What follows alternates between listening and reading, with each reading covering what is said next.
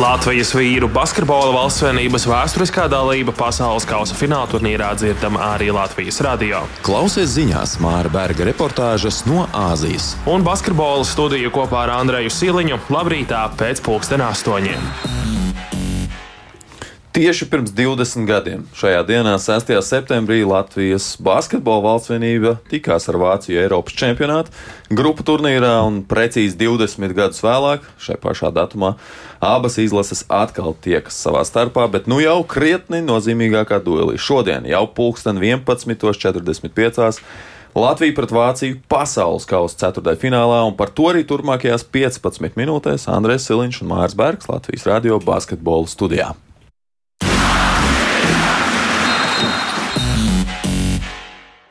Labrīt, Māri, ar atgriešanos mājās. Labrīt, Andrej, labrīt, klausītāji. Jā, esmu atpakaļ studijā Rīgā, nevis Džakartā vai Manilā.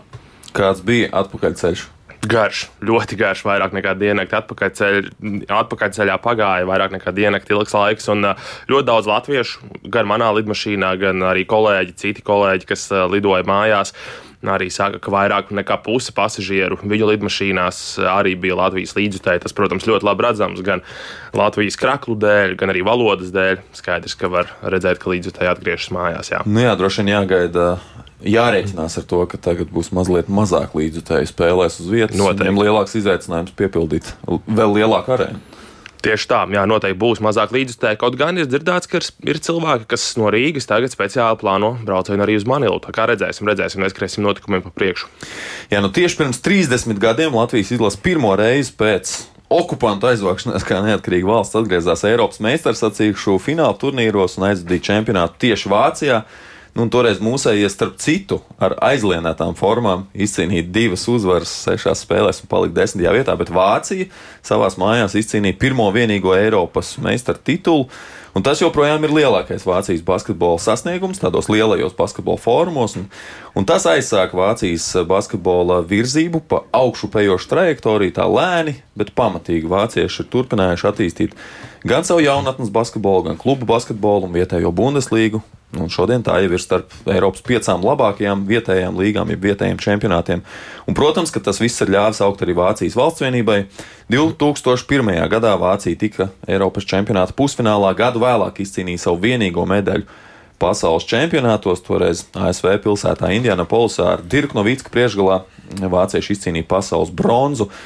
Un izlasē spēlējot no Vitskim, eh, kurš tiek saukts par iespējams visu laiku labāko Eiropas basketbolistu savā pozīcijā pavisam noteikti.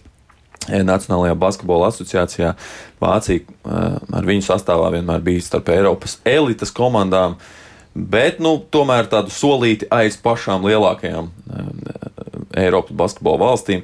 2005. gadā Vācija izcīnīja Eiropas sudraba finālā, piekāpjoties Grieķijai. No Vītskim savukārt ar laiku kļūstot ar vien vecākam. Un pēc tam arī noslēdzot savus gaitas valsts vienībā, tad strauji kritās arī vāciešu panākumi līdz pērn Eiropas čempionātā, kad atkal tas norisinājās, izšķirošās cīņas norisinājās tieši Vācijā. Vācija atkal tika līdz medaļām izcīnot bronzas godalgas. Jā, vācieši pierādīja jau pagājušajā gadā, ka viņi ir spēks, ar kuru rēķināties, bet kas tad šajā izlases modelī ir līderi? Protams, uzreiz jāizceļ komandas motors Denis Šrēders. Viņš guvis vidēji spēlē 19,8 punktus un atdevis 6,8 rezultatīvas piespēles. Tas liecina, ka viņš var, protams, pats gūt punktus un arī izkārtot iespējas saviem partneriem. Turklāt viņam vidēji piespēļu ir vairāk nekā mūsu pamatsaspēles vadītājam Artūram Žagaram, kurš šajā turnīrā ir daudz izcēlies. Šrēders ļoti ātrs basketbolists, arī gan atletisks puisis, taču emocionāls puisis. To redzējām arī vienā no iepriekšējām spēlēm, kad viņš uz soliņa minūtes pārtraukumā augstos toņos sarunājās ar vienu no komandas biedriem un arī ar galveno treneri. Šreiders noteikti ir viens no cilvēkiem, kuriem Vācijas izlases sastāvā var palīdzēt zem ādas un mēģināt viņu izvest no pacietības. Tur brāļiem kuruciem būs diezgan daudz darba, lai ar viņu tiktu galā. Tāpat jāizceļ arī Maurits Vāgners, viņam vidēji 13 punkti un 6 atlikušās bumbas. Savukārt vācieši cer, ka šodien iespējams varētu atgriezties arī viņa brālis Frančs Vāgners, kas būtu milzīgs pastiprinājums Vācijai. Viņš piedalījās tikai turnīra pirmajā spēlē un guva potītas savainojumu. Viņš ir viens no izlases potenciālajiem līderiem aizvadītajā NBA sezonā. Frančs Vāgners izcēlās ar 18,6 punktiem vidēji spēlē, taču nu, ir jautājums, kādā kondīcijā viņš būs, ja viņš varēs spēlēt. Viņš piedalījās Vācijas pēdējā treniņā, tad iesaistījās vingrinājumos 5 pret 5, taču paši vācieši saka, saka, ka pagaidām vēl nav izlēmuši. Un kā mēs ar tevi, Andrej, apspriedāmies, potīte ir tāda diezgan riebīga vieta basketbolistiem, un tu nekad nevari zināt, kāds būs spēlētājs atgūstoties no šīs traumas. Nu jā, un arī jāskatās, kā tas arī var ietekmēt visu komandu, ar kādām ambīcijām viņš atgriežas sastāvā. Bet nu, kopumā tad četri Nacionālās basketbola asociācijas klubos spēlējoši spēlētāji Vācijas izlasē eh, no pārējiem tikai viens nav Eirolandes klubos spēlējuši. Jā, ir noteikti vairāk spēlētāji, ko šeit vēl varēja Daniels Taisas, vēl vairāk spēlētāji, ko noteikti mēs varam piemest šim, šim visam klāt, bet tas pārāk gari jau izplūst. Vienīgais, kurš nav Eirolandes klubos, ir Davids Kramers, Slovākijas izcelsmes vācietis, kurš spēlēs Granadas klubā Spānijā, bet eh, līdz šim,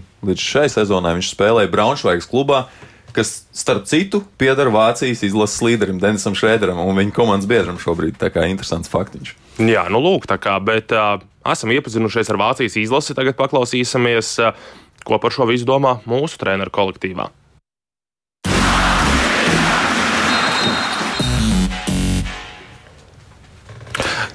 ir laiks vienam jauninājumam arī šajā mūsu studijā. Līdz ar manu atgriešanos šeit, atpakaļ Rīgā, mēs ar Andreju esam izlēmuši, ka uh, dosim tādas trīs atslēgas Latvijas izlasēji kas ir jāizdara laukumā, lai izcīnītu panākumu šajos izšķirošajos mačos. Jā, un ejam uzreiz eh, sākam no, no pirmās atslēgas gal galā. Eh, skaidrs, ka Vācija ir ļoti izteikts līderis, Denis Šrēders, un mums ir jāmēģina viņa dzīvi apgrūtināt šajā uh, spēlē. To arī uzsver treneri, ka droši vien apturēt viņu iespējams nav iespējams, bet uh, viņu noteikti var Eh, var ierobežot, un tu jau pieminēji brāļi Kuruci, acīm redzot, arī būs tie, kuriem tiks dots uzdevums to paveikt vai vismaz mēģināt darīt. Uh, vēl bija tāda interesanta epizode, par ko arī jau nedaudz pieminējies Vācijas Slova, Slovenijas spēlē, kur Šrēders nu, netais, netais patīkamākajos toņos sarunājās ar komandas galveno treneru Herbertu. Tā kā jā, jāmēģina ielīst pretiniekam galvā. Uh, Un tur arī skaidrs, ka nu, Herberts ir kanādietis, bet viņš pārsvarā ir veidojis savu treneru karjeru e, Eiropā, kur treneru attiecības ar spēlētājiem ir stipri citādākas nekā ir pieredzējis Šrēders, kurš savu, savukārt ir e, savu karjeru veidojis Nacionālajā basketbola asociācijā. E, nu, jā, tieši uz to kā vienu no aspektiem, gatavojoties mačam, norādīja arī Latvijas valsts vienības galvenā trenera asistents Artūrs Visovskis Rubens. Paklausāmies! Protams, ka Šrēders ir nu, komandas līderis, bet tajā pašā laikā, ja mēs skatāmies, tad uh, ir bijušas spēles, kur arī viņš to spriedzi neiztur. Jā, mums ir jārada tādi apstākļi, lai viņš uh, emocionāli justos netik stabils kā līdz šim turnīrā, kur, kur viņam, viņiem teiksim, tā viss izdevās no rokas. Jā, nu, mums šī, šī, šī, šis ceļš viņam bija jāapgrūtina. Otrā mūsu izvēlētā atslēga šīs dienas spēlē Latvijas izlasē būs disciplinēta aizsardzība un arī cīņa par atlikušajām bumbām. Latvija ir labi, diezgan labi darbojusies aizsardzībā visu turnīra gaitā, bet eh, Vācija ir viena no rezultatīvākajām tur, eh, turnīra komandām. Viņiem vidēji spēlē 93,4 punkti. Nu, un par eh, cīņu zem groziem Tur Latvijai gan nav ar ko lepoties. Mūsējie visā turnīrā ir pēdējā vietā. Cīņā par atlikušajām bumbām mūsējie vidēji spēlē savāc 30,4 bumbas. Pretinieki ir 18. vietā ar 36,4 bumbām. Tātad groza nosargāšana būs viens no jautājumiem, par ko mums ir jādomā. Vācija kā komanda arī uzbrukumā, tad, kā jau teicu, 93,4 punkti. Tas ir par trim punktiem vairāk vidēji spēlē nekā Latvijas izlasē. Un viņiem arī metienu precizitāte ir augstāka. Viņi no trīspunktnieka uzbruka ar 39,1%, kas ir par procentu mazāk nekā Latvijā, taču tik un tā ļoti respektabls metienu procents no trīspunktu līnijas. Līdz ar to viņi būs jārespektē no tālās distances. Nu, un arī uzbrukumos no divu punktu zonas vācieši met ar vairāk nekā 60% precizitāti. Tāpēc eh, varāt, varam gaidīt tādu kārtīgu izrādi, kā saka, šūtautu ļoti augstu rezultātu no šīm abām komandām potenciāli. Jā, un tieši pēdējās trīs spēlēs arī viņi ir uzbrukuši vēl labāk uh, no tālās līnijas. Uh, vairāk kā vismaz 100 gūtie punkti visās trīs spēlēs un 46,6% tālumtienu realizēti. Paklausāmies tagad Artūru Visauska Rubeni par, par pretinieku metēju ierobežošanu. Jābūt ļoti, ļoti disciplinētiem, uh, strādāt pret viņu metējiem pareizi. Ja? Jo šrūders jau ir tas, kurš viņus apgādā uz tiem metieniem. Ja? Līdz ar to mums vajag. Uh, kā lai pasakā, apgrūtināt šrūdera darbu, bet nepārspīlēt ar uh, atdodot metienu labākajiem nu, metējiem no Vācijas komandas. Nu, un lieta numur trīs, ko esam izvēlējušies, ir kļūdu limitēšana. Gan Latvija, gan Vācija ir komandas, kas nepieļauj daudz kļūdu spēlēs, vismaz līdzinējos mačos. Vācija savukārt, kas ir būtiski, ir viena no labākajām bumbu pārtvērējām šajā turnīrā. Vidē 9,6 bumbas tiek pārtvērtas. Tieši Šrēders ir ar ļoti veiklām rokām, kurš var izsist šīs bumbas. Jā, Vācija ir ļoti jaudīga komanda savā laukuma galā, un tas ir jāņem vērā, veidojot savukārt mūsu uzbrukumus. Nu, līdz šim ir bijuši nogriežņi mūsu spēlēs, kad sākam pieļaut tādas pat bērnišķīgas kļūdas brīžiem un, un tenisa terminoloģijā sakot, nepiespiestās kļūdas pieļaut. E, tas savukārt ļauj pretiniekiem veikt tādus izrāvienus. Kanādas gadījumā mums šādi izrāvieni trešajā ceturdaļā arī maksāja visu spēli. Nu, no šīm kļūdām šodien jāmēģina izvairīties. Kā to darīt? Par to atkal treneris Visovskis Rubens Es šo neatklāšu. Es zinu, ziniet, kā ir. Negodīgi teikšu, mē, mēs tulkojam pretinieku žurnālistus nopietni. Un es šīs šādas detaļas neatklāšu, bet, nu, labi, jebkurā gadījumā mums ir plāns, mēs zinām, kur viņiem ir stiprās puses, mēs viņus esam gatavi ap, ierobežot, un mēs zinām, kuru no šiem diviem spēles stiliem izvēlēties, lai ar viņiem varētu spēlēt un cīnīties par uzvaru.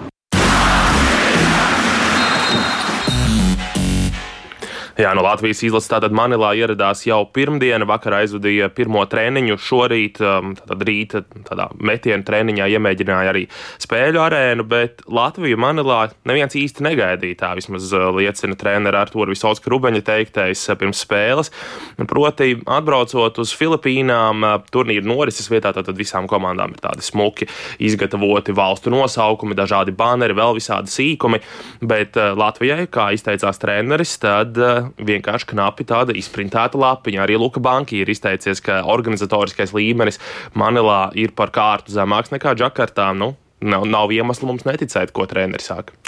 Spēles sākums šodien jau pavisam drīz, agrāk nekā tas bijis iepriekš. Šodien spēle tātad 11,45 minūtēs Latvija pret Vāciju. Un tikai uzvarētājs turpinās cīņu par medaļām, zaudētājs savukārt cīņu par piekto vietu. Tur mīkšķus un tiekamies basketbola studijā atkal rīt no rīta. Tieši tā uz redzēšanos! Latvijas vīru basketbola valstsvienības vēsturiskā dalība pasaules kausa fināla turnīrā dzirdama arī Latvijas radio. Klausies ziņās Māra Berga reportāžas no Āzijas. Un basketbola studiju kopā ar Andreju Siliņu labrītā pēc pulksten astoņiem.